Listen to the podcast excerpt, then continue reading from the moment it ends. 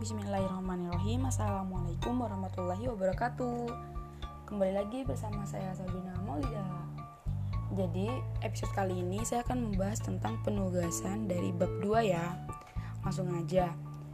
Amati empat jenis angkutan umum di tempat tinggal Anda Yaitu angkutan umum atau bis kota, taksi, ojek motor, dan beca. Perkirakan dan urutkan jenis angkutan mana yang jumlahnya paling banyak hingga paling sedikit Manakah yang paling langka? Menurut ilmu ekonomi Islam, jenis angkutan manakah yang paling langka? Diskusikan jawaban tersebut dengan teman-teman dari kota atau daerah yang berbeda. Jadi, jenis angkutan sesuai dengan urutan dari yang paling banyak hingga yang paling sedikit di daerah saya adalah yang pertama angkutan umum, yang kedua taksi, yang kedua ojek motor, dan yang terakhir beca. Berdasarkan hasil pengamatan yang saya lakukan, jenis kendaraan yang langka untuk saat ini di daerah saya adalah beca. Mengapa demikian? Karena masyarakat sekarang lebih banyak yang menggunakan dan memilih jasa ojek motor dan beberapa memilih menggunakan kendaraan pribadi. Sehingga jasa becak sedikit dan banyak dari mereka yang berhenti karena ekonominya tidak stabil dan tidak terpenuhi.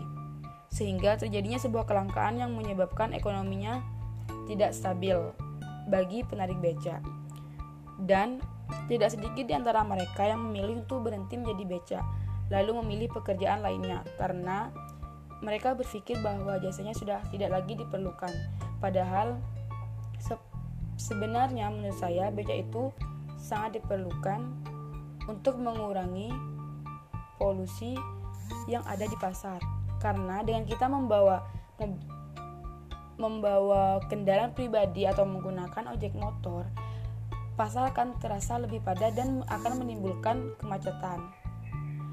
Karena dari zaman dahulu juga beca dipakai untuk kendaraan jika orang jika orang-orang mengangkat barang ketika pulang dari pasar.